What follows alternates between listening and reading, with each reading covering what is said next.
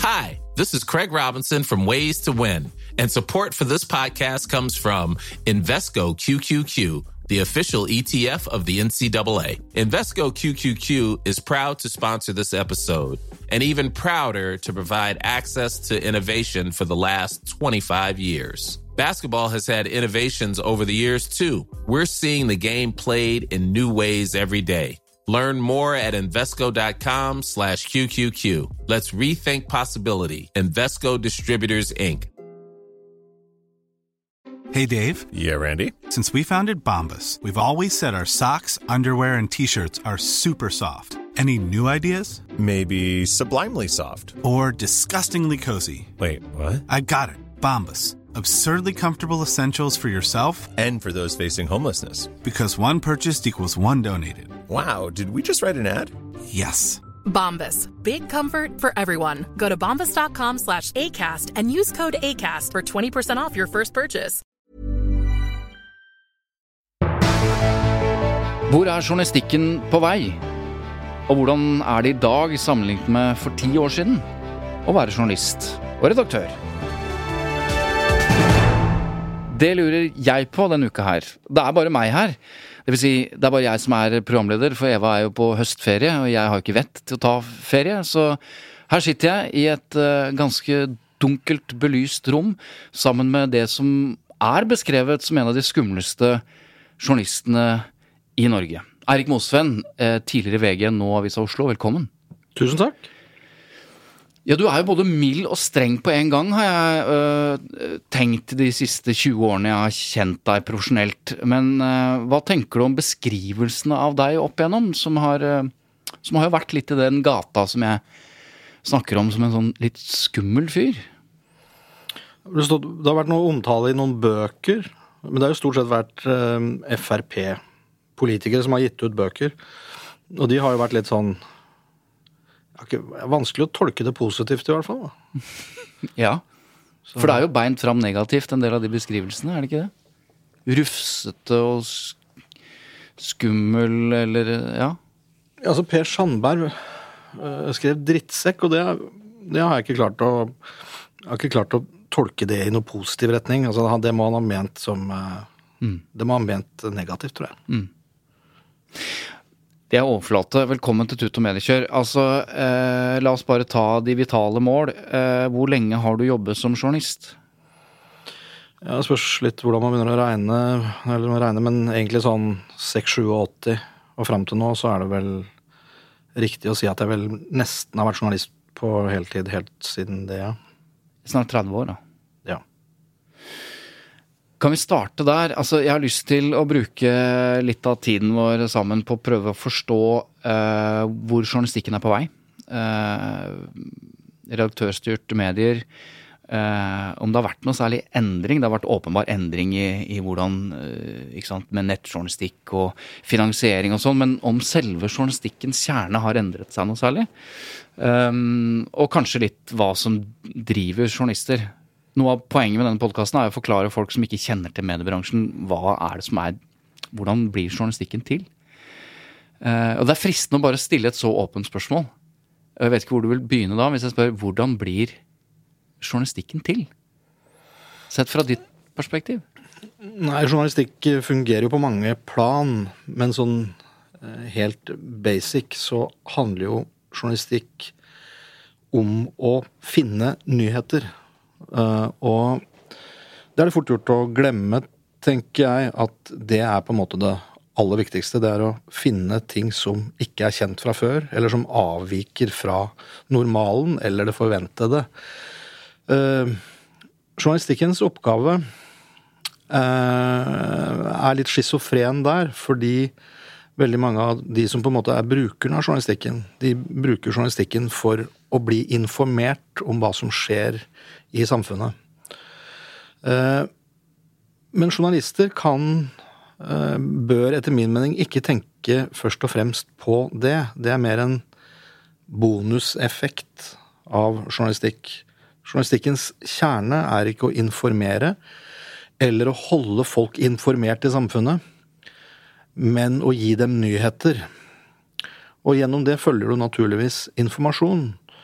Men det å skaffe nyhetene og få fram de ukjente eh, storyene og tingene i samfunnet, eller på alle plan, egentlig, det er på en måte eh, kjernevirksomheten. Og det er en litt sånn rar ting å kommunisere av og til, fordi folk eh, bruker jo på en måte journalistikk for å holde seg informert på bred basis. Og det er greit, men da tenker jeg sånn at uh, det holder ikke å lese ett medium hvis du skal holde deg informert. Du må lese flere medier, og du må se på TV, og høre på radio, og lese på nett og papiraviser, skaffe deg utdanning, snakke med venner, naboer og alle slekt, hvem som Du må gjøre en innsats. Du må gjøre en innsats for å bli en informert borger. Det holder ikke å holde seg til ett medium. Eh, Det er en bred eh, ting, og derfor så er hver enkelt journalist kan ikke gå rundt og ha så høye tanker heller om seg sjøl at vi driver en informasjonsvirksomhet med noe sånn nærmest oppdragende, for det ligger liksom litt under det. Men, Eh. ok, men la oss bare stoppe der, fordi, og det er jo, og jeg skjønner hvorfor du sier det, for mye opplever jeg kritikken mot media, eller deler av kritikken mot media, er nettopp at man ikke informerer om det viktigste. Man leser om andre typer saker som har tabloide vinklinger osv. Men Vær varsom-plakaten, som første delen av Vær varsom-plakaten handler jo om pressens rolle, og der står det da vitterlig at pressen ivaretar viktige oppgaver som Og det første som kommer, er informasjon, debatt og samfunnskritikk. Sant? Punkt 1, 2, 1, 4 er, er pressens rett til å informere om det som skjer i samfunnet, og avdekke kritikkverdige forhold. Så det, dette informasjons, informasjonsretten og plikten eller oppgaven ligger jo ganske sånn grunnfestet i Nå her opplever jeg at VVP, Vær varsom-plakaten, da bruker på en måte nyhet i min definisjon og informasjon litt om hverandre, mens Ja. jeg ser på eh, det å informere, på en måte. Det å liksom eh, i seg selv eh, er på en måte ikke den aller det er ikke, det er ikke den aller innerst i kjernen av, eh, av journalistikken. Det er å få fram nyheter. For å få fram nyheter så er du nødt til å informere, men det er to litt forskjellige Ja, det er ting likevel. Jeg, jeg, jeg pleier å si når jeg holder foredrag om mediene og prøver å forklare hva de holder på med, så sier jeg ofte at det er ikke medienes oppgave å drive eh, informasjonsarbeid på vegne av staten. Det er bare noen veldig få land som driver med det. Og de ligger veldig langt ned på pressefrihetindeksen. Eh, det er å drive, drive kritikk, samfunnskritikk. Det er en grunn til at man heter eller blir kalt den fjerde statsmakt osv. Men ok, så hvis premisset er at man skal finne nyheter, da må man finne ut hva er, hva er en nyhet? For jeg husker, Du har jobbet som politisk journalist i veldig mange år i VG. Husker vi diskuterte for mange år siden en sak eh, om sveisen til Siv Jensen. Og da var det lett å latterliggjøre at det var sånn typisk sånn tabloiden vås. ikke sant? Og så husker jeg du sa nei, det er en jævlig god nyhet. Og så tenker jeg, hva er, hva er da en nyhet? Jo, det er mange ting som er nyhet, da. Men i det tilfellet der så handla det jo om at uh, Siv Jensen uh, hadde hatt uh, i mange år langt lyst hår. Og hun, hun nærma seg å ta over som leder i Fremskrittspartiet etter Carl I. Hagen. Man visste bare ikke helt når. Og plutselig en dag satt jeg i stortingskantina, og jeg venta på Kristin Halvorsen. Jeg hadde prøvd å få tak i henne i flere timer. Og plutselig så får jeg øye på Kristin Halvorsen i køen i stortingskantina. Så jeg, litt, jeg er litt fornærma på henne for at hun, ikke, at hun bare står der og later som ingenting. Så jeg går og prikker henne i, i ryggen. Og så snur hun seg, og så er det Siv Jensen. Um, da skjønte jeg at um, det var noe med den hårklippen, for det var sånn Det var den hårklippen damer med makt hadde på den tiden. Ikke damer som var på vei til å få makt, men de som allerede hadde fått det. De som mente alvor. Eh, Så det var en ganske sånn røff maktsveis. Eh, Og da tenkte jeg ok, Siv. Det at du gjør det der, eh, viser at du nå, nå, nå, nå lever Carl I. Hagen utrygt. Men det er jo din tolkning av eh, en Jeg skjønner jo, jeg følger deg på et vis. Jeg husker jo dette her. Men det er mange som vil hevde at eh, det er skrint eh, analysegrunnlag for hennes maktønsker, da. At hun har skifta sveis. Og kanskje dømme kvinner på sveisen er også litt sånn 1990-ish, eller? Ja, nå tok hun jo makten, da. Ja, hun gjorde det. Rett etterpå. Så jeg tror ikke det var så svak analyse, egentlig. Eh, Og den er ikke noe spesielt svakere enn at folk opp igjennom som på en måte er sett på som litt uh, slubbert og gamle hippier, uh, som vil opp og fram i politiske partier, at de plutselig begynner å komme med stresskoffert og dress og slips. Det var mer et uh, signal til omverdenen om at hallo, se på meg, nå mener jeg alvor, jeg vil ha makt. Og det holdt stikk, det. Jeg ble veldig lite overraska da det viste seg å holde stikk, for å si det sånn. Så Hva har hun selv sagt om eh, den saken og den analysen? Nei, den som ble surest for den saken der, var Kristin Halvorsen. Eh, så jeg vet ikke hva det forteller, men Kristin Halvorsen var nå Hadde nå Ble jo finansminister eh, rett etterpå også, da. Eh, og det var hun i fire år. Erik Mosveen, du, du er nå politisk redaktør i Avisa Oslo, en ny lokalavis. På tide, vil mange si, at man fikk en avis for, eh, for den største byen og hovedstaden. Men du har vært i VG i nesten 30 år. Um, som både journalist, redaksjonssjef, kommentator, altså mange posisjoner. Men kan jeg spørre hva som var den opprinnelige drivkraften eller motivasjonen din for å gå inn i journalistikken? Det er litt uklart for meg. Jeg hadde en onkel som var disponent i Akershus Arbeiderpresse, og han tok meg av og til med på jobben sånn type på søndag eh, ettermiddag kveld og sånn, og da kjente jeg liksom den derre den veldig spesielle stemningen som var i en avisredaksjon. Eh, og da var jeg jo guttunge, liksom. Eh, og du kjente liksom lukta av fra trykkeriet og alle mulige ting. Men det var samtidig noe med liksom litt den derre fortetta stemningen som var en søndag kveld. LSK hadde kanskje spilt kamp, eh, så de kom løpende inn for å få bilder og alt mulig sånt. Jeg tenkte det virker som på en måte de som holder på med dette her, har en eller annen form for orkesterplass til eh, samfunnet. Eh, og det var på en måte Det var det som var tiltrekkende. Og kanskje fortsatt er det som er tiltrekkende, en, en følelse av at, at du kan sitte og se hvordan utviklingen i samfunnet går ganske bredt, liksom, på ganske nær begivenhetene. Mm. Jeg tror det er liksom på en måte den, den tiltrekningen. Det, det har for så vidt aldri endra seg helt. Men du begynte jo som, eh, hvis jeg ikke husker feil nå, eh, i et musikk... Altså i Beat, altså det som var musikkmagasinet. Og du har jo en, en, en skal jeg si, en tilsynelatende sterk lidenskap for, eh, for god musikk. Du legger hver lørdag så legger du ut Saturday Night, eller ja, lørdagsmusikk. Altså din plate, er da gjerne LP. Altså du har en forkjærlighet for musikk. Det startet musikkjournalist før VG, er det riktig? Og, og i så fall, er, var det også tilfeldig? Hvordan, Det var egentlig to parallelle interesser, altså.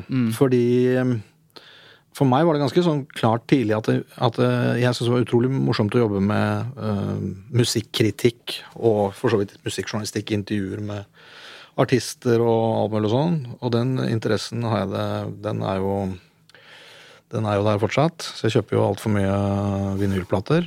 Men, uh, men jeg, var aldri, jeg hadde aldri tenkt at det skulle være min hovedbeskjeftigelse. Jeg, jeg ville være nyhetsjournalist, og helst Ja. på en måte i en dagsavis. Og det, det, det sto klart for meg hele veien. Så det, så det med musikken har, jeg, på- har på en måte alltid mer vært en hobby, liksom. Noe på siden. Og jeg var heltidsredaktør i tre år for Beat på begynnelsen av 90-tallet. Um, og jeg har uh, egentlig aldri hørt så lite på musikk som jeg gjorde de tre årene, så det var kanskje ikke så veldig lurt av meg, da. Men la oss bare dvele litt ved den eh, altså, orkesterplass til samfunnet, kalte du det. Ehm, jeg, da jeg ble journalist som var rett, etter 20 via studentradioen i Bergen, så var det den derre den, den utrolig gode følelsen, eller erkjennelsen av at jeg kan ringe hvem som helst og stille spørsmål. Og de må nesten bare svare. Og den makta for så vidt som kom med det, da. Jeg skjønte ikke at det var makt den gangen, men, men det er jo det er jo en slags form for makt. altså Når pressen fungerer, så kan man ringe til hvem som helst og be å svare. Og, og svarer du ikke, så er du litt ute å kjøre da òg, på en måte. Kan du si litt om den, den, følelsen man fort kommer inn i da, når man har den jobben eller den retten?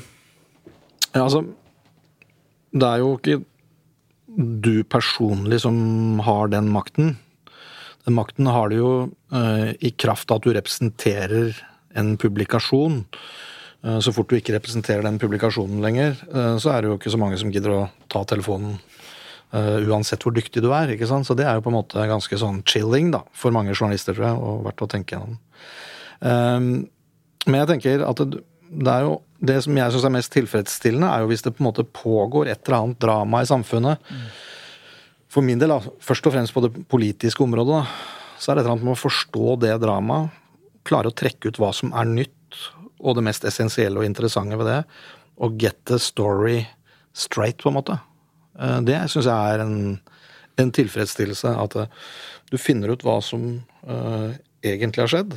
Og mest interessant er jo ofte det når det har vært gjort helt tydelige og klare forsøk på å hindre mm. deg og det mediet du jobber for, å få oversikt, få innsikt, innsyn osv. Men likevel klare det.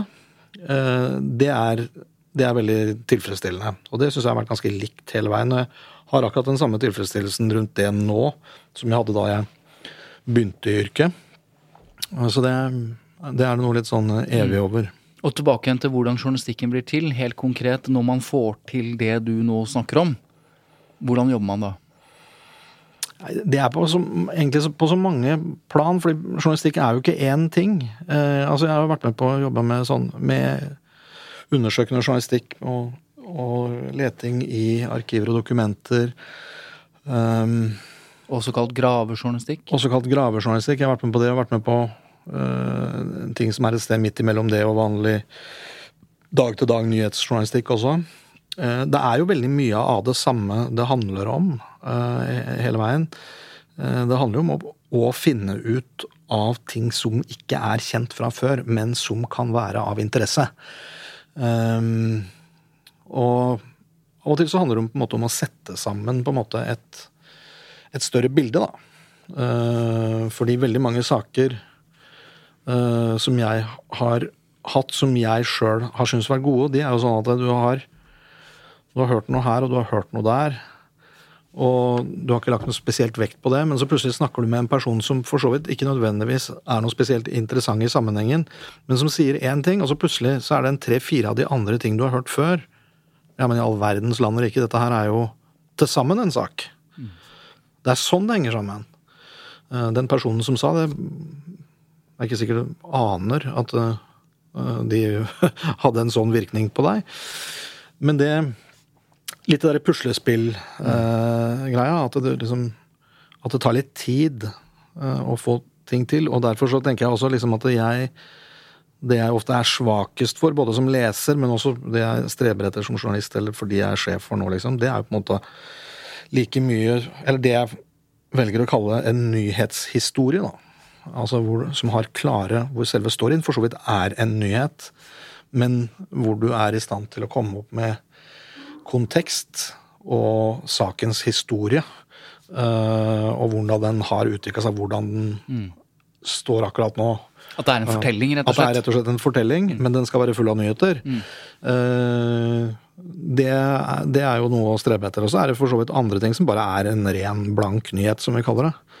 At den og den mm har fått en ny jobb, eller Nettopp. Uh, Når jeg skal forklare nyheter uh, på en slags teoretisk, pedagogisk måte, da, overfor uh, la oss si en eller annen virksomhet som ikke kan så mye nyheter, så, så sier jeg at det er noen kriterier som skal til.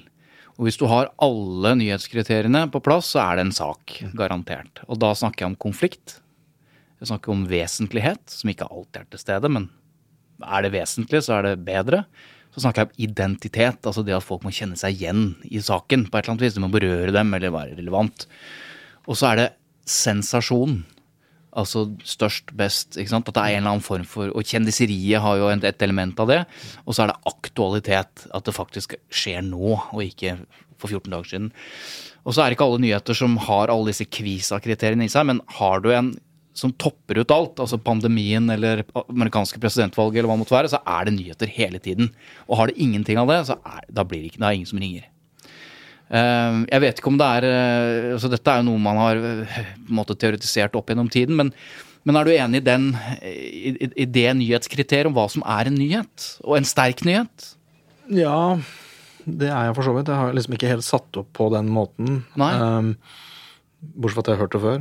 Uh, men det er Altså, jeg er ikke imot det, men, men jeg tenker Altså, jeg blir jo stadig overraska over at det liksom uh, At jeg kan si at det er en nyhet. Og så tenker jeg ja, men dette her tenkte jeg på i går, og da tenkte jeg ikke at det var en nyhet. Nei. Så hva skjedde i mellomtiden? Ja, Hva er det som har tilført uh, i mellomtiden? Nei, det er som regel ofte kontekst og historie. Eh, at det, ja, men det jeg hørte da, det, det var jo ikke tilfeldig, på en måte. Eller det eh, er jo interessant at det skjedde. Men, men når du tenkte på det første gangen, så var det mer at det, at det var en enkeltstående ting, da. Ikke sant? Det er ikke interessant nok. Men så er det noen ganger at det ikke tilføres noe nytt i hele tatt, og bare rett og slett er treg i nøtta. Eh, det er jo et problem i, i så mange bransjer. Hva er hovedforskjellen om noe? Eller noe, hva er forskjellen om noe på journalistikk på 80-tallet, da du startet, og det å drive med journalistikk eh, før og nå? Hva er det så første som slår deg når jeg spør om forskjell? Nei, altså det er det, det, det Jeg syns ikke det er så veldig stor forskjell på hva som er en god sak. Eh, Jeg syns det er påfallende likt, ja, til omtrent alle tider. Tilbake til Platon, hadde jeg nær sagt. Mm. Men um, det er veldig mange praktiske ting som er veldig annerledes. Eh, Jeg tror vi aldri på 80-tallet, eller 90-tallet eller på 2000-tallet satt med en følelse av at vi hadde en overload av informasjon. Jeg husker liksom, Hvis du skulle sjekke ut en sak om et eller annet i Stortinget, så måtte du gå ned i Stortinget. Så måtte du gå til det derre um, ekspedisjonskontoret, og så måtte du si at du må finne en stortingsmelding til meg. Ja. Og da hadde de en eller annen sånn frist på at det, om det tok to timer eller et eller annet sånt, da.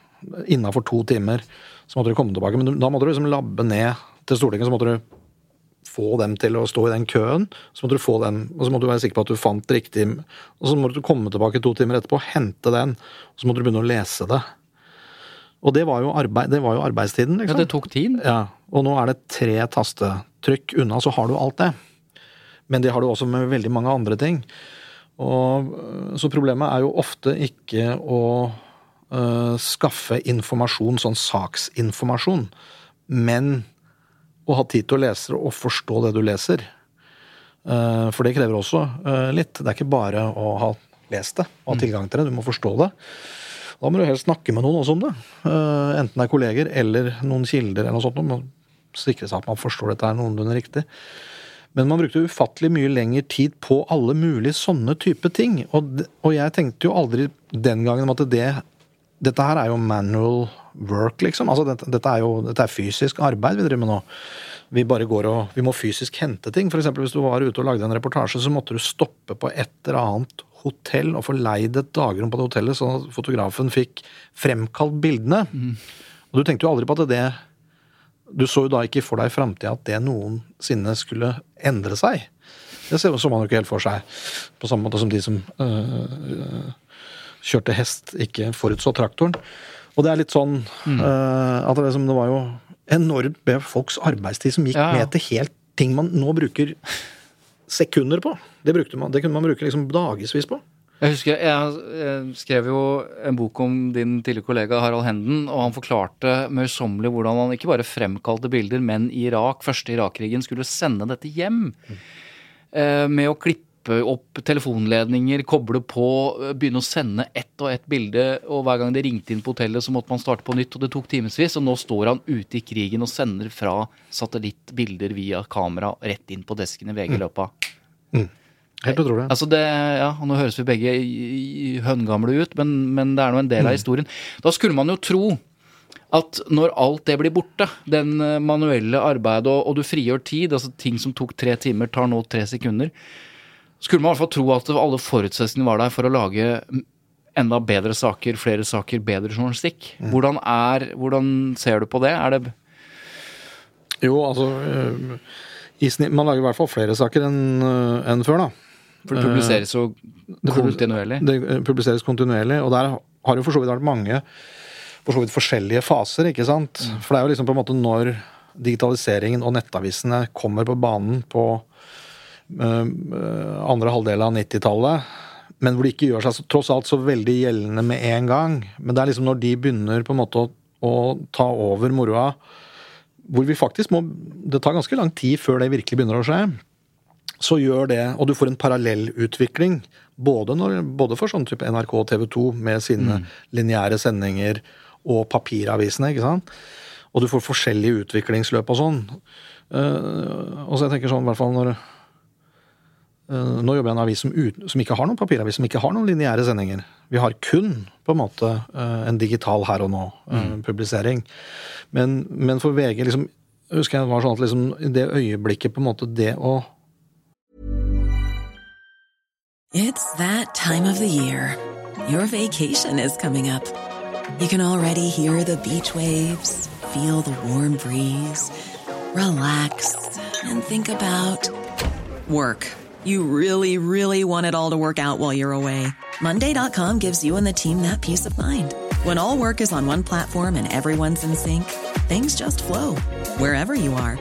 Tap the banner to go to Monday.com.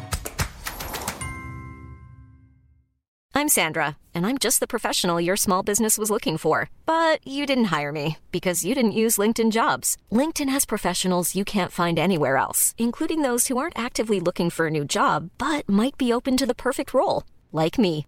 In a given month, over 70% of LinkedIn users don't visit other leading job sites. So if you're not looking on LinkedIn, you'll miss out on great candidates like Sandra. Start hiring professionals like a professional. Post your free job on linkedin.com/people today. Det å få publisert en sak digitalt ga flere lesere og mer tilbakemelding enn hvis den var på papir. Som tok forbausende lang tid før det skjedde. Eh, Da tenkte jeg at Men da skjedde det noe med liksom på en måte alle involverte. eh, Når det begynte å skje. Fordi da på en måte Da begynte nettavisene å slutte å være nettaviser, på en måte. De ble aviser. Eh, Bare ikke papiraviser, men heller ikke nettaviser. Det ble det som ble hovedstrømmen i nyhetsbildet. Eh, Sånn at de nettavisene som på en måte er de toneangivende og viktigste i Norge nå, og VG er jo utvilsomt en av dem, de er jo på en måte på et helt Altså, de, de ligner jo ikke på den gamle papiravisen, men de ligner jo heller ikke på den gamle nettavisen. Det har smelta sammen til en eller annen ting som er Og jeg mener jo at det, det produktet leserne har å forholde seg til nå, er jo bedre på alle mulige måter egentlig enn det var før. Eh, Så tror jeg liksom at det, det har vært perioder hvor produksjonen på en måte har vært veldig høy, så det har vært mye eh, som det ikke har vært lagt så mye arbeid i. Mm. Uh, og, og det ser man jo heldigvis mindre og mindre av. Men så er det en del breaking news-journalistikken har jo på en måte også kommet ganske mye tilbake. da. Vi satser jo tungt på det i Avisa Oslo. Det er klart det gjør eh, VG har en egen avdeling som heter Breaking News, med et eget vaktsystem med en egen sjef. Um, I gamle dager var det Dagsnytt, på en måte. Nå er det ganske utvida.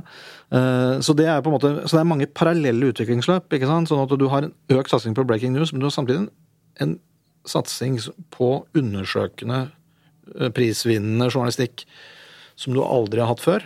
Eh, Så det er mye eh, Det er utrolig mange parallelle utviklinger. Altså bare si liksom ja, journalistikken nå er sånn og sånn og sånn. Ja, det spørs akkurat hva du ser på. Eh, Når vi snakker med de som hører på den podkasten, som har lyst til å lære mer om journalistikk, eller snakker med andre, så, og leser jeg å si, sosiale medier, så kan man jo få et inntrykk av at at en del mennesker mener det er omvendt. Ikke nødvendigvis at det var bedre før, men at man får at det blir så mye blinkende lys i trynet og, og ikke-saker og, og clickbaits og du vet eh, katter og drit at man får helt nok. liksom Man orker ikke engang klikke på det fordi at eh, man blir lurt eller hva det måtte være. Altså det er en, det er en slags suppe av, av noe agg da, mot medier i dag som jo, gitt det du sier, og som jeg kan være tilbøyelig til å være enig i, fordi jeg ser mye bedre kvalitetsjournalistikk enn jeg gjorde før, da jeg var journalist. Men det er et eller annet misforhold mellom der. Altså Det er et eller annet som ikke kommer ut, da. Eller fram til folk, gitt at jeg har rett i at en del mennesker ser på det sånn. Og hvis, hvis, vi følger den Du har sikkert møtt Du trenger bare si at du er journalist, og så er festen ødelagt. I hvert fall noen fester. Hvorfor tror du det er sånn? Ja, altså Igjen så er jo Jeg tror det er nyansert, da. For jeg tror deler av journalistikken på en måte har høyere øh, Den er jo åpenbart bedre, liksom, enn den var før. Det tror jeg også det er veldig mange som får med seg at den var. Men det er klart øh, øh, Min gamle, nå dessverre avdøde øh, redaktør, politisk redaktør i VG, Olav Versto, husker jeg sa en Han pleide ofte å si til meg 'husk' Det tok meg over skuldra og sa 'husk, vi er Akersgatas skabbete hunder'. Um, og det var på en eller annen måte litt sånn uh, godt å høre, fordi at uh, pressen har jo alltid vært uh, litt som bruktbilselgere og en del andre som ikke på en måte har vært av de bejublede yrkesgrener, da. Ikke sant? Og det synes jeg, jeg syns jo det var ganske kult at det var sånn. Så har man jo begynt å ta seg selv mye, mye mer alvorlig, da, journalister. Og så syns man har blitt mye viktigere, tror jeg. Jeg er ikke så sikker på om det er tilfellet. Og så er det at den generelle på en måte, respekten på en måte, for autoriteter i samfunnet er jo lavere enn før. Presten, læreren i bygda osv. osv. har ikke den automatiske respekten som fulgte med det å ha de titlene. Og Det gjelder jo også journalister. Og så har det jo da at øh, øh, sosiale medier har på en måte fyller ut veldig mye av informasjonsbildet for folk. Uh, og der er det jo helt andre regler, og enda mindre på en måte respekt for autoriteter. Uh, og da mener jeg at det er masse autoriteter det ikke er noen grunn til å ha respekt for. Men det er også en del autoriteter det er grunn til å ha i hvert fall mer respekt for enn de som ikke er autoriteter, når man en gang diskuterer det. For eksempel så uh, mener jeg at det er en fordel at det er piloter som flyr disse passasjerflyene. At vi ikke har noen avstemning om hvem som skal fly flyet på forhånd. Mm. Uh, og det mener jeg også gjelder uh, en del vitenskapspersoner og sånn. Og det gjelder også det at, det, det at noen er, har store uh, kunnskaper på ett område, betyr ikke at de har det på et annet. men jeg tror mye av dette rammer Altså den ja, den at, det, at, man er mindre på en måte stoler mindre på autoriteter generelt. Pluss sånn konspitenkning også, som er på en måte yttergrensen av det. Men, gjør, men det er også generelt, liksom. Det er mye positivt med det òg. Det rammer nok journalistikken, liksom. Og så blir journalistikken mye mer eksponert nå den, som den er digital. Og responsen på den Det er kortere responstid eh, på når folk sier fra hva de mener om noe. Eh, sånn at det, alt det på en måte påvirker det bildet. Men men jeg tror at tilliten til journalistikken, alt i alt, er ganske brukbar. Um, tross alt, liksom.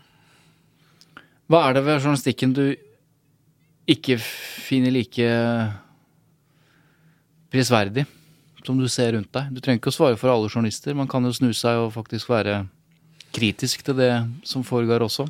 Eller som kan gå utover tilliten, som vi jo trenger. Ja, altså Det kan være mye rart, det, altså. Eh, jeg har jo på en måte Der er det jo, der er det jo på en måte Man, passer på, liksom. Man, det er fort gjort liksom at det man ikke interesserer seg for sjøl, eh, mener man ikke burde uh, få så stor plass. Jeg, for eksempel, har prøvd å rette en pistol mot tinningen for å se reality-TV. Det er altså ikke mulig. Jeg får det ikke til. Det går for tregt, liksom. Eh, jeg vet hva som skal skje next. Eh, og når, jeg har sett, når alle har sett hva som har skjedd, så forteller de om det, eh, om det som skjedde. As we, if we didn't know. Så jeg klarer ikke det rent sånn mentalt, å se på det. Og da syns jeg det er slitsomt at store medier da bruker betydelige ressurser til å skrive om disse tingene som er komplett uinteressante. Men så ser jeg da at det er en bråte andre da, i samfunnet som syns dette er interessant, og som får noe ut av det. Og det, det må de få. Det kan ikke bare være for moro skyld. De får noe ut av det som jeg ikke får ut av det. Og, og det er jo mange folk som ikke får noe ut av de tingene jeg syns er uh, interessant å lese om. Jeg kan lese side opp og side ned om amerikansk uh, politikk og detaljer der. Det er ganske mange som mener at det er ganske interessant. da. Mm. Men hva, hva, gjør du når du, som mediebruker, da? Altså, når det er sånn, du vil ikke tro hva som skjer eh, nå? Trykk her.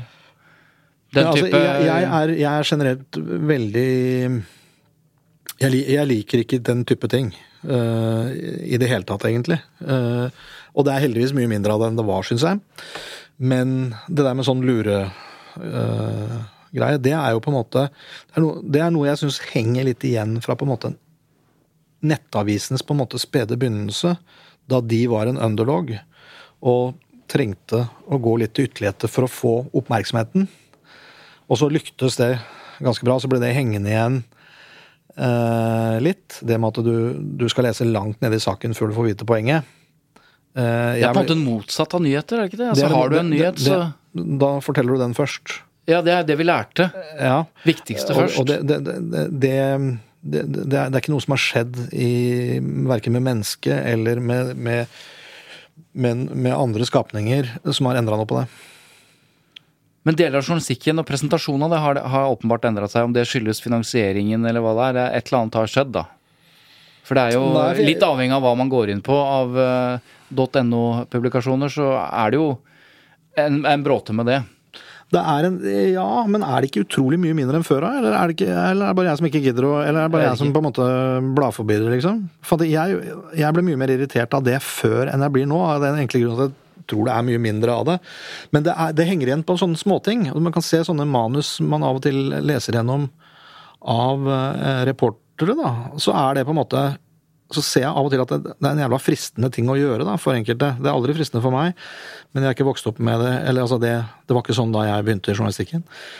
Um, men jeg, jeg, vil mene at det, liksom, det har på en måte skjedd en normalisering på en måte av uh, journalistikken da, som gjør at det er mindre av det enn det det var. da. Mm. Og jeg tror heller ikke for Jeg husker i VG så var jo det det var jo et, et, eh, betydelig tema, for det var jo noe som var en del av liksom litt den der nettjournalistikk-ideen og identiteten.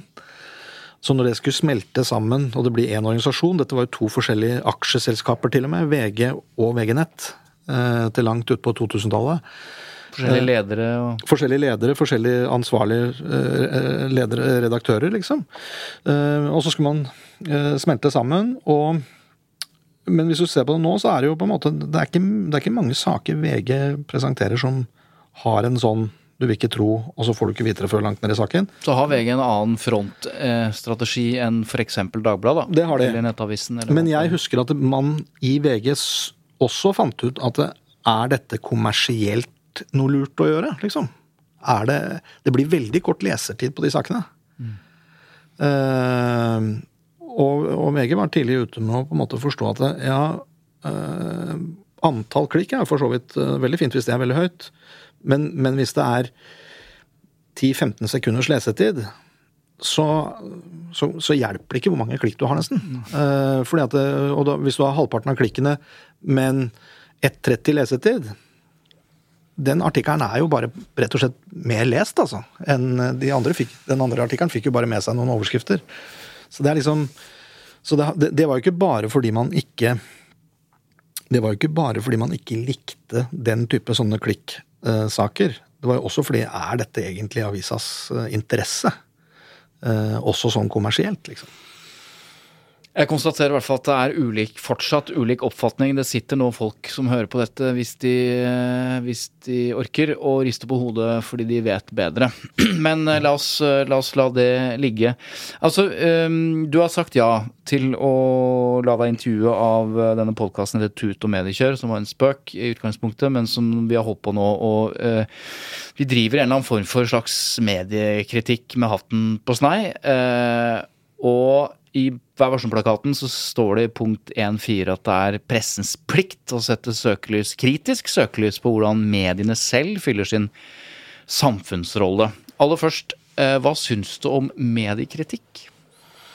Mediekritikk er jo på en måte Det er på en måte en selvfølge i et åpent samfunn, liksom. Eh, og så er det det med å si om mediekritikk at eh, har en mistanke ofte at det er journalister som er mest interessert i det. Uh, og ikke kanskje det store publikum så mye. Uh, fordi jeg syns jo ofte at det er veldig selvfokusert, da. Hvordan da? Jo, det skjer en stor begivenhet i samfunnet, og dag to så er samfunnsdebatten over på hvordan mediene dekker det.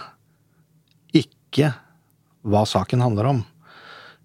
Ressursene brukes, og oppmerksomheten brukes ikke på å få fram flere nyheter om sakskomplekset, men å diskutere om journalister har gjort dette på den, eh, på den eh, aller beste måten. Men, men er det mediekritikk? Jeg opplever det bare som forsøk på å avlede oppmerksomheten for de involverte som ikke har interesse av at man skal fokusere mer på nyhetene. Altså det er jo det, det ble skrevet en, en kronikk eh, eller en kommentar fra ansvarlig redaktør i Fagbladet Journalisten som satte spørsmålstegn ved at eh, vet dere at den, de som driver med mediekritikk for tiden, er kommunikasjonsrådgivere i Tut og Mediekjør.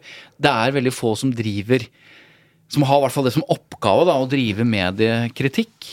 Jeg opplever at det er lite av det, selv om, selv om det blir ofte debatt om debatten. Men jeg tenker det er det er jo ikke med Ja, det er jo for så vidt Jeg opplever mediekritikk. at det er, er en del av mediekritikken. Men får jeg stille spørsmålet oppe, da? Hvordan syns du pressen eh, ivaretar punkt 1.4, der det står at det er plikt å sette kritisk søkelys på medienes Jo, øh, men det er jo, det er jo plikt til å se på det eh, på samme måte for å se om det er nyheter og kritikkverdige forhold der. Eh, Det er jo ikke noe plikt til å lage en masse saker om det øh, hvis man ikke finner noe av interesse.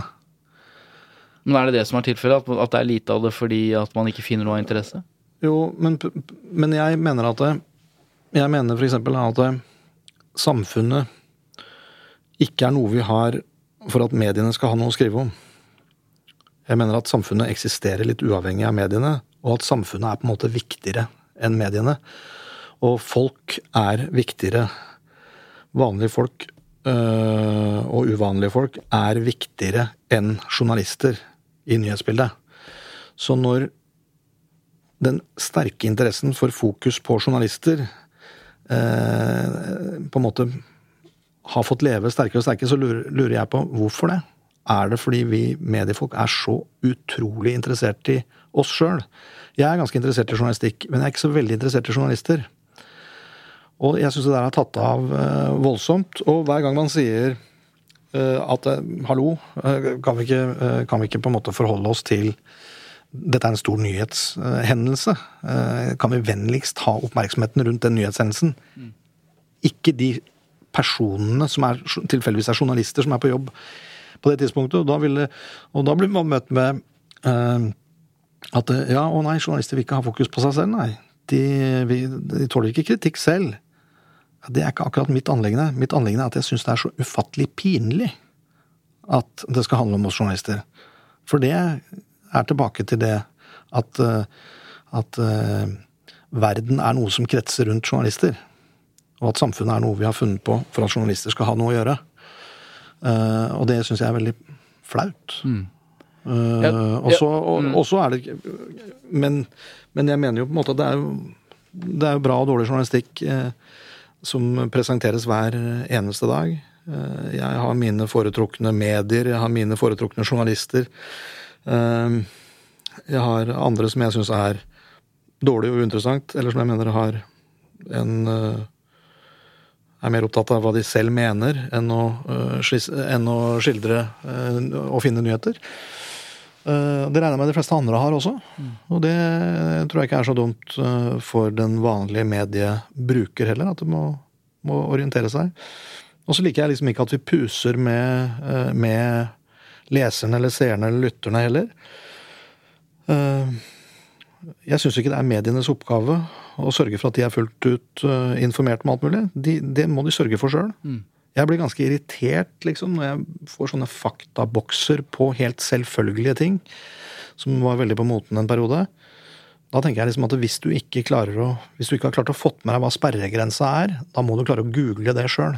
Og du må ikke plage alle de som har giddet å google det, med å komme med den type eh, informasjon som alle burde vite. Så den servicen, den har du ikke noe sansen for? Nei, Nei. det har jeg ikke.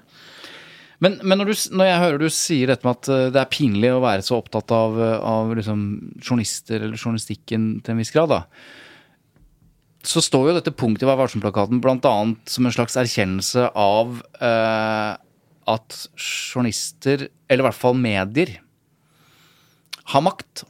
Så den makten, mediemakten, som jo du har vært en eksponent for og vist gjennom din journalistikk, du har eh, vært med på bidra til ved journalistikken at, at de mektigste personene i landet har eh, måttet gå fra sine stillinger, statsråder osv. Altså det, det er jo en makt hvis, man, hvis journalistikken virker, så er den mektig. Uh, og journalistikken er satt til bl.a. å rette kritisk søkelys på resten av samfunnet. De tre andre samfunnsmaktene, da. ikke sant? Den, både den, den lovgivende og utøvende og dømmende makt. Og så kommer liksom journalistikken populært sett på fjerdeplass som maktinstitusjon. Og i det lyset så blir det litt sånn så opplever jeg at det blir litt sånn snevert å si at jo, men et, et fokus på journalister, det er litt pinlig. Det er ikke oss det handler om. For jeg er jo enig i det, at, at det bør kretse om andre ting enn enn journalister. Men gitt den makten du har, og dere har, så er det vel verdt et kritisk søkelys, tenker jeg. Jo, jo, jeg sier ikke at det ikke er verdt et kritisk søkelys. Jeg har ikke mot Nå leser ikke Vær varsom-plakaten. Jeg ser ikke på det som den endelige løsning på en måte på alle uh, problemene i samfunnet eller journalistikken heller. Den er ment som et, som et, uh, et veikart uh, som vi er forplikta Men også når det gjelder makt, så mener jeg at det er noen spørsmål å stille ved den oppfatningen at mediene og journalistene har så stor makt. Det er i hvert fall veldig mange journalister som liker å høre den setningen. At vi har veldig stor makt. Ja, det skjønner jeg. Det er besnærende og litt sånn uh, smykke seg litt. Ja, ja, om, ja, om det er. Eh, mm. Og det er igjen litt tilbake til Akersgatas skabbete hunder. Eh, min erfaring, og jeg har vært med på ganske mange sånne saker opp gjennom årene som har da endt med at ja, statsråder eller partiledere eller eh, LOs ledere og sånn eh, måtte gå av. Men de måtte jo ha gjort de tingene, da. Som gjorde at de måtte gå av. Og så gjorde mediene for så vidt det kjent. Men mediene hadde jo ikke hatt noen sjanse, heldigvis, til å avsette noen for noe som helst hvis det ikke hadde skjedd noe som andre fant kritikkverdig som ikke er mediene selv. Eh, og det syns jeg ikke det er mye refleksjon rundt. Eh, fordi jeg har vært med på å lage et meningsløst antall hovedoppslag på VG eller i papiravis eller digitalt, eh, hvor nøyaktig de samme på en måte visuelle virkemidlene og kritikk og det ene med det andre er virvla opp, men hvor knapt nok en gang de involverte er i stand til å huske saken. Så hvor mye makt har man da, hvis man skulle antatt det å ta opp disse kritikkverdige forholdene, at det var både målet, men også at det var eh, konsekvensen. Og jeg eh, tror at mediene sånn sett har, eh, har, ikke så stor makt. Men sakene og hendelsene i seg selv eh, er det som på en måte er det mest avgjørende for hva som skjer. Um, og, det, og det, jeg syns det reflekteres lite rundt det. For jeg lagde en, en sak uh, i Som en av de siste sakene jeg lagde i VG av noe særlig størrelse, på en, en At Trine Skei Grande inngikk en avtale med sine to utfordrere, Abid Raja og Sveinung Rotevatn, om at de ikke skulle utfordre henne som leder. Um, og uh, til gjengjeld skulle det bli statsråder, som det ikke var fra før. Og ok, uh, jeg hadde for så vidt da uh, privilegiet av å fortelle den historien. Og, og, og Trine Skei Grande gikk av som leder i Venstre og som statsråd varsla sin avgang allerede dagen etter den saken. Som følge av den saken? Nei, ja, delvis. Det er litt Mm. høna og egget. Det kan Ja. men poenget er Mm. at Det er jo det at hun inngikk den avtalen som er grunnen til at hun må gå av. Så du kan på en måte ikke se det eh, Du kan ikke se det på en måte isolert fra Du kan ikke si at det er, selve makten her. Du gjør det kjent, ja, det ligger det makt i. Men det man gjør kjent, må i seg selv oppfattes av tredjepart. Altså leserne, partiet Venstre eller hvem som helst. Det. Ja, det hjelper ikke hva mediene måtte mene om det. Samtidig, veldig lite. samtidig, hvis vi nyanserer det litt, så det er jo umulig å være uenig i det. Altså, det er jo det man gjør, eh, som jo At det blir kjent, er på en måte medienes oppgave, da. Skape den, eller fortelle den nyheten. Men det fins jo både på den, skal vi si, den positive maktsiden det at, at medier har øh, mulighet og plikt, og, og kanskje til og med i store redaksjoner kraft nok til å sette søkelys på et samfunnsproblem. La oss si vold mot kvinner, eller voldtekt, eller Ja. og, altså? Sånne ting som bare er strukturelle, store problemer. Setter fokus på det, lager mange nok saker. Det fører til lovendringer, det fører til endringer i samfunnet. Folk får det bedre, for eksempel. Altså det flotteste ved journalistikken, da. Men ikke uten at tredjepart er enig i at det er Det er riktig, men uten det initiativet, uten den innsatsen, så kan man si det hadde det ikke blitt fordi, fordi myndighetene hadde ikke noe interesse av det. fordi det er jo det som er noe av problemet. Ok, Så det, er, det kan man si at da har man makt til å sette sitt, sitt søkelys på ting, få endre ting.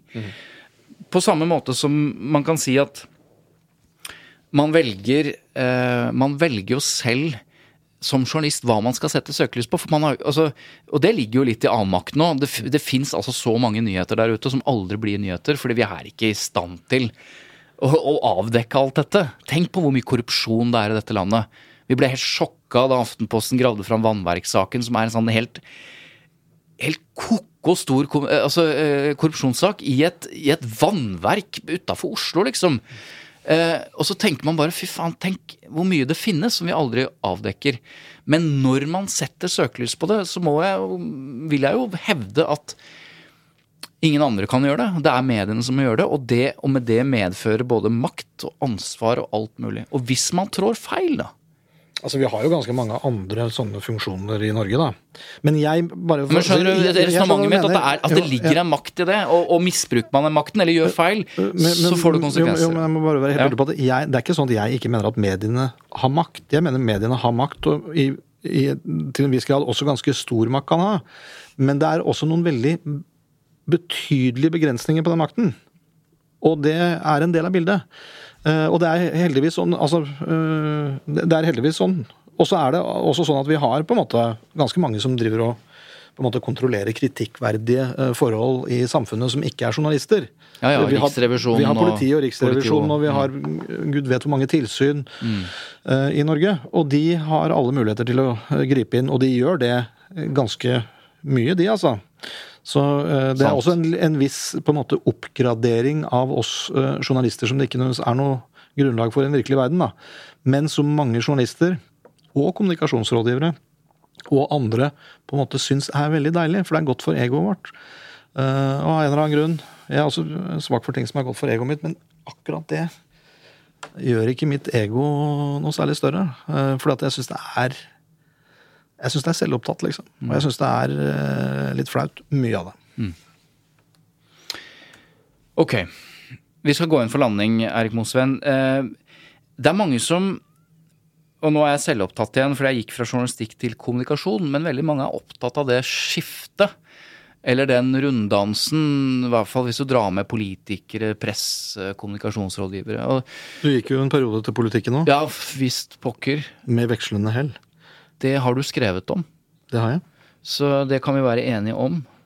Men det var også selvopptatt. Poenget mitt var uh, at det er mange som ser på veksten i kommunikasjonsfaget eller kommunikasjonsrådgivere. Og nå snakker jeg ikke om portvokterne i uh, statlige institusjoner som stenger for uh, statsråden eller, eller sånn. Jeg snakker om liksom, veksten av kommunikasjonsrådgivere, ofte hentet fra pressen. At liksom, det blir færre journalister, kan det se ut som, og flere kommunikasjonsfolk. Et demokratisk problem, sier folk. Noen sier det. Hva tenker du? Jo Eh, det, er et, det er noen poenger i alle som Alle som sier det, har et poeng. Eh, jeg syns på en måte litt av den eh, ensidige opptattheten av kommunikasjonsrådgivere syns jeg er litt rar fra pressens side og fra medienes side. Eh, fordi jeg klarer ikke helt å se den store forskjellen på kommunikasjonsrådgivere og andre i veldig sentrale rådgiverfunksjoner, som f.eks. advokater. eh, Som ofte har en eh, minst like vesentlig på en måte rolle der. Eller PwC-konsulenter. Eller PwC-konsulenter eller KPMD eller og hva de nå heter, alle sammen. Det, så det er på en måte Men det betyr ikke at det er uproblematisk. Men jeg har problemer med å skjønne hvor mye mer problematisk det er enn alle andre problematiske ting eh, som er, da. Så tenker jeg i forhold til journalistikken, så er det jo sånn at det, de liksom det, Hva var det, jeg var journalist i 30 år, eller hva det var, fant ut? Var det ikke enda mer, da? 35? Eh, Minst Ja. 30. Men i hvert fall, i, i alle de første årene, sikkert de 20 første årene, og sånt, så, var, det- så var det å være journalist en eneste lang sånn opptur. Altså det ble alle ansatte flere journalister. Mediebransjen ble bare større og større hvert år. Eh, og sky was the limit, liksom. Og uh, ikke sant? Jeg tror liksom rundt sånn 2002, 2003, 2004, liksom, til og med i VG, som var kanskje den mest lønnsomme på en måte, bedriften, mediebedriften i Norge, så begynte nedturen. Og vi var ganske mange der som aldri hadde opplevd noe annet enn medgang. Og så begynte nedskjæringene i journaliststabene. Og til slutt, til og med i, i VG, liksom, som, som var et seddeltrykkeri omtrent, så kom det. Og det kom ganske heftig til og med der. Eh, Men det var all over the place. Og jeg kjente fullt av unge folk som hadde utdanna seg til å bli journalister, som aldri ble det. Fordi det var et, på en måte et, det var et nedgangsyrke. Og dette varte jo og det rakk, liksom. Denne nedturen. Den ble jo på en måte ikke bedre. Og verdien på mediebedrifter og alt mulig sånt bare uh, falt som blylodd. Uh, all over the place. Og så, altså sånn 2016-2017, rundt omkring der, så begynner det å snu. Og når vi skulle lage avisa Oslo, og ansette folk der, så var det altså et leven uten like å få tak i journalister. Fordi eh, fordi alle som hadde gått i vikariater, Det var ingen som gikk på, i vikariater omtrent lenger. Eller i hvert fall mye færre enn, for, enn før. Og de store mediehusene, når vi tilbød jobb, og vi var sikre på at Og de ville ha jobb hos oss, så opplevde de liksom at de store mediehusene sa nei, nei, nei. eh, Du kan få en bedre jobb hos oss. Og noe sånt har ikke jeg hørt om omtrent noen gang før. Så på en måte Det ansettes journalister overalt nå. Nesten alle oppbemanner. Og det har de gjort i flere år. Sakte, men sikkert. Eh, Sånn at journalistikken sånn sett har bedre kår enn kanskje noen gang. Eh, Jeg opplever at mye av den derre liksom for meg litt sånn overdrevne, og av og til nesten litt sånn patetiske frykten for å single ut akkurat kommunikasjonsrådgivere, har veldig mye med den nedgangsperioden å gjøre. At mange stakk for å bli det. Jump the ship. Ja, og at det liksom det det at, det at man ble færre journalister og det ble flere kommunikasjonsrådgivere, at det opplevdes som på en måte en sånn, eh, en sånn vektskål. Um, og at det, det er grunnen til at de ble singla ut. liksom. For de som ikke ble singla ut i tillegg til advokater, og sånn, var jo de som er informasjonsmedarbeidere, men som var inhouse. Altså type informasjonsavdelingen til Statoil var jo latterlig svær. Aldri noen som kalte de kommunikasjonsrådgivere. Eller LOs kommunikasjonsavdeling. Eller NHOs. Eller Norges Bank. Altså, hvem, nevn hvem du vil. Sånn at ja, jeg har bare Jeg sier ikke at noe av dette er uproblematisk på noen måte. liksom At den sektoren vokser. Men jeg har ikke klart å se en rasjonell begrunnelse for hvorfor den gruppa, som tross alt ikke er så mange, tross alt ikke, at de skulle representere et så stort problem som, den, altså, som det, eh, det er blitt beskrevet som. Og når han, den nye regjeringen nå så skulle ha, ha da forbud mot eh, kommunikasjonsrådgivere som sådan. Mens ikke noe forbud mot advokater. Forretningsadvokater, f.eks., eksempel kan altså gå rett inn og Eller hvis du er Eller andre med eh, For eksempel meglere, da. Ikke sant? Eh, Erna Solberg tok inn en, en eier i et meg stort meglerhus som statssekretær i Finansdepartementet. Det var det litt kritikk mot, men ikke ikke i nærheten av hvilken kritikk det ville vært hvis hun hadde tatt inn en annen med en som er kommunikasjonsrådgiver. Da hadde det vært uh, hell and high water. Erik Moshen, hva er um, til slutt sjansen for at du blir kommunikasjonsrådgiver? Jeg tror den Jeg har såpass stor tillit til kommunikasjonsrådgiverbransjen at jeg tror den sjansen er eh, liten. Og det betyr eh, at Eller får jeg stille også et Hva er sjansen for at du ender opp som mediekritiker? Nei, det, det, jeg frykter at jeg, i hvert fall at jeg skulle finne på å bruke et så belasta begrep om meg selv. det tror jeg sitter langt inne, altså. Nei, altså, men jeg regner jo med Altså sitter nå hver eneste morgenmøte liksom, i Avisa Oslo, vi går gjennom hva vi skal gjøre den dagen, og vi går gjennom hva andre medier har gjort, og vi går gjennom hva vi syns er bra og dårlig av det vi selv har gjort, liksom. Det er ganske mye mediekritikk liksom vi driver da. Eh, Vi er jo ikke fornøyde med oss sjøl, bare unntaksvis, liksom. Eh, Og sånn må det jo nesten være. Eh, Og det er eh, 100 måter å løse en sak på, så det sier seg sjøl at, at, at det er mulig å drive mediekritikk. Men å, men å titulere meg sjøl som det, det tror jeg vi kan se helt bort ifra. Det kommer til å skje. Takk for at du kom til eh, den mediekritiske podkasten Tut og mediekjør. Det var en fornøyelse. Og god høstferie. I like måte. Da er eh, Tut og mediekjør over for denne uka. Eh, for den mest observante lytter eh, oppdaget at det var ingen kvinne her. Som heter Eva Sandum. Vi ønsker henne fortsatt god høstferie. Hun er tilbake igjen eh, neste uke, og da er vi tilbake også i et slags normalt gjenge. Lyd og Produksjoner eh, produserer dette greiene, eh, og eh, vi sier takk til eh, de vi vanligvis takker. Da. Husker ikke helt hvem dere er akkurat nå. Bortsett fra deg som hører på. Tusen takk.